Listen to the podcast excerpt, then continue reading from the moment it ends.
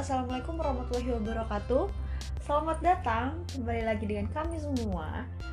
Mengenai pembahasan kali ini Kira-kira saya akan membahas materi untuk SMA atau sederajat di kelas 12 Materinya itu mengenai bab pertama yaitu kasus pelanggaran hak dan pengingkaran kewajiban warga negara. Untuk uh, materi pertama kali ini saya akan membahas bagian paling pertama yaitu makna hak dan kewajiban warga negara. Sebelumnya kalian tahu nggak sih apa itu hak? Oke, hak merupakan semua hal yang Anda peroleh atau Anda dapatkan yang di mana hal tersebut dapat berbentuk kewenangan atau kekuasaan untuk melakukan sesuatu. Hak asasi manusia adalah hak yang melekat pada diri setiap pribadi manusia.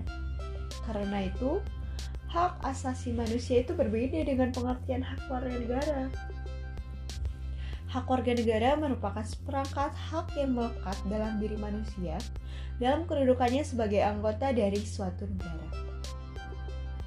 Hak asasi sifatnya universal, tidak terpengaruh status keluarga negaraannya. Akan tetapi, hak warga negara ini dibatasi oleh status keluarga negaraan. Hak warga negara Indonesia meliputi hak konstitusional dan hak hukum.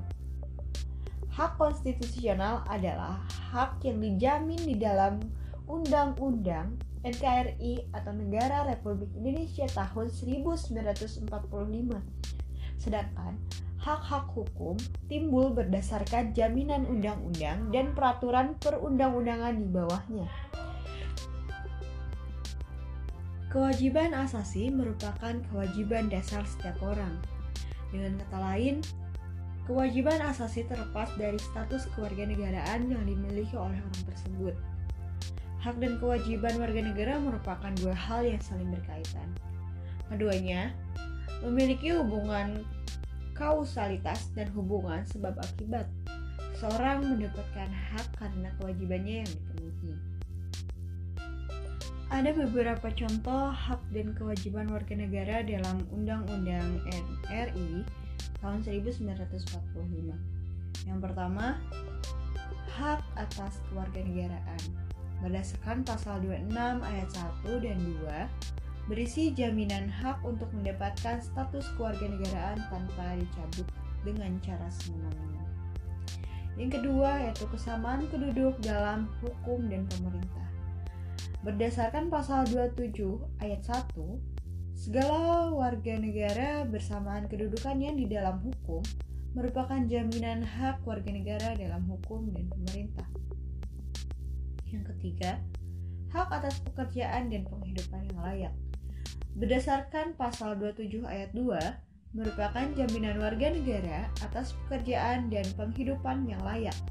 Contohnya, Undang-Undang Agraria, Undang-Undang Koperasi, Undang-Undang Tenaga Kerja, dan Undang-Undang Perbankan ataupun undang-undang lainnya. Kemudian hak dan kewajiban bela negara berdasarkan pasal 27 ayat 3 merupakan pembelaan negara adalah hak dan kewajiban setiap warga negara. Next, kemerdekaan berserikat dan berkumpul berdasarkan pasal 28 jaminan atau hak untuk bebas berserikat, bebas berkumpul, dan bebas berpendapat. Kemudian ada kemerdekaan memeluk agama. Dalam pasal 29 ayat 1, bebas memeluk agama atau dalam bentuk bebas ini bukan berarti tidak beragama. Tentu saja setiap orang harus memiliki agama sehingga dalam aturan ini setiap orang berhak memilih agama yang mereka percaya. Dan yang terakhir, pertahanan dan keamanan negara. Yang di mana pada pasal 30 ayat 1 dan 2, setiap warga negara turut serta dalam pertahanan dan keamanan negara. Ini adalah salah satu atau beberapa dari uh, contoh hak dan kewajiban. Tentu saja masih banyak hak dan kewajiban yang lainnya yang harus kita uh, patuhi ataupun kita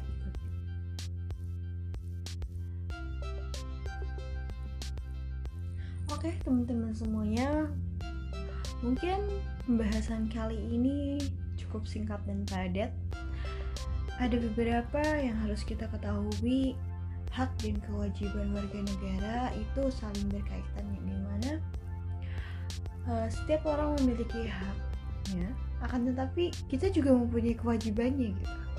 Nah jadi kalau misalkan kita menuntut hak kita tentu saja kita harus melakukan kewajiban kita contohnya hak kita mendapatkan pendidikan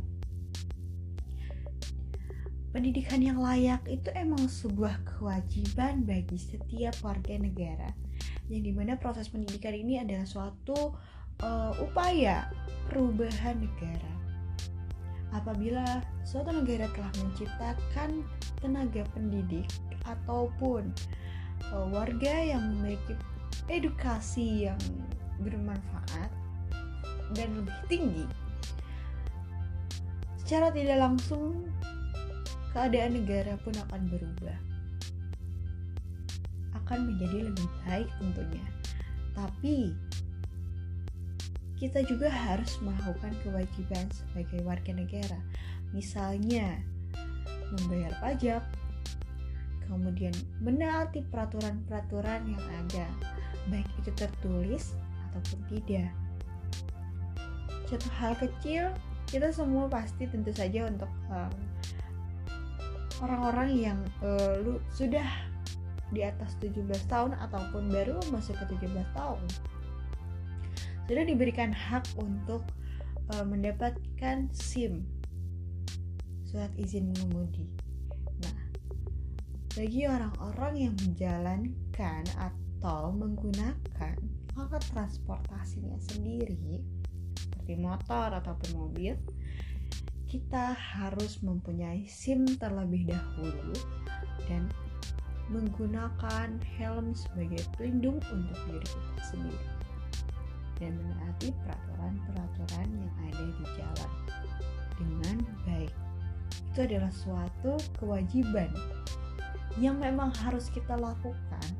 Sebenarnya peraturan ini ditegakkan itu adalah menjadi sebuah uh, perlindungan atau kebaikan untuk diri kita maupun orang lain sehingga tidak ada terjadi hal-hal yang tidak ingin kita um, alami entah mungkin itu kecelakaan atau merugikan orang lain. Seperti ugal-ugalan di jalan atau kita mengendarinya sesuka kita dan itu mengganggu pengguna jalan yang lainnya kan? Nah jadi uh, peraturan yang memang sudah ditetapkan ini menjadi sebuah kebaikan untuk kita semua. Maka harus ditaati dan harus kita pahami hal-hal apa saja nih yang menjadi suatu kewajiban untuk kami semua sehingga kami dapat uh, meminta atau dapat menegakkan suatu hak yang harus kita dapatkan. Seperti itu. Karena kewajiban ini secara sederhana dapat diartikan sebagai segala sesuatu yang memang harus dilaksanakan dengan penuh tanggung jawab dengan demikian kewajiban warga negara dapat diartikan sebagai tindakan atau perbuatan yang harus dilakukan oleh seorang warga negara sebagaimana hal ini diatur dalam ketentuan perundang-undangan yang berlaku. Meski pada kenyataannya segala sesuatu hak ini memang setiap orang menginginkannya ya. Seperti hal ya itu adalah suatu hal yang memang harus didapatkan dan ya memang bentuknya sudah wajib gitu tapi pada kenyataannya banyak warga negara yang belum merasakan suatu kesejahteraan dalam menjalani kehidupannya sih. Hal ini disebabkan oleh ketidakseimbangan antara hak dan kewajiban. Apabila keseimbangan itu tidak ada dan tidak terjadi, ya tentu saja kesenjangan sosial juga akan terus berkepanjangan. Jadi ya memang hak dan kewajiban ini harus seimbang. Yang di mana setiap orang harus menjalani kewajiban dan akan mendapatkan suatu haknya. Kewajiban ini bukan hanya untuk diri sendiri sih. Banyak juga yang kita lakukan dari diri kita dan berimbas untuk orang lain. Contohnya, kewajiban kita untuk menaati uh, bukan menaati ya jadi seperti menghormati menghormati setiap orang yang memang itu adalah menjadi haknya mereka contohnya kita ini beragama muslim.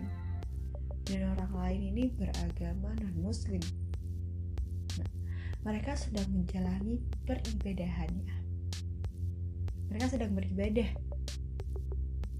Lantas kita sebagai seorang muslim yang tidak mengikuti ibadahnya yang mereka lakukan bukan berarti kita dapat mencaci makinya ataupun um, mengganggu peribadatannya mereka tentu saja kita harus menjaganya melindunginya kemudian kita menghormatinya tidak mengganggu dan menjaga lingkungannya sehingga tidak ada orang juga yang ikut mencoba untuk mengganggu.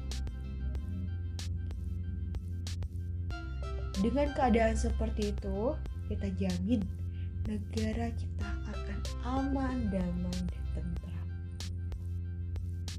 Dan setiap orang juga akan melindungi hak-hak yang um, personal. Atau dari setiap individu ini akan mereka dapatkan dengan secara yang mudah.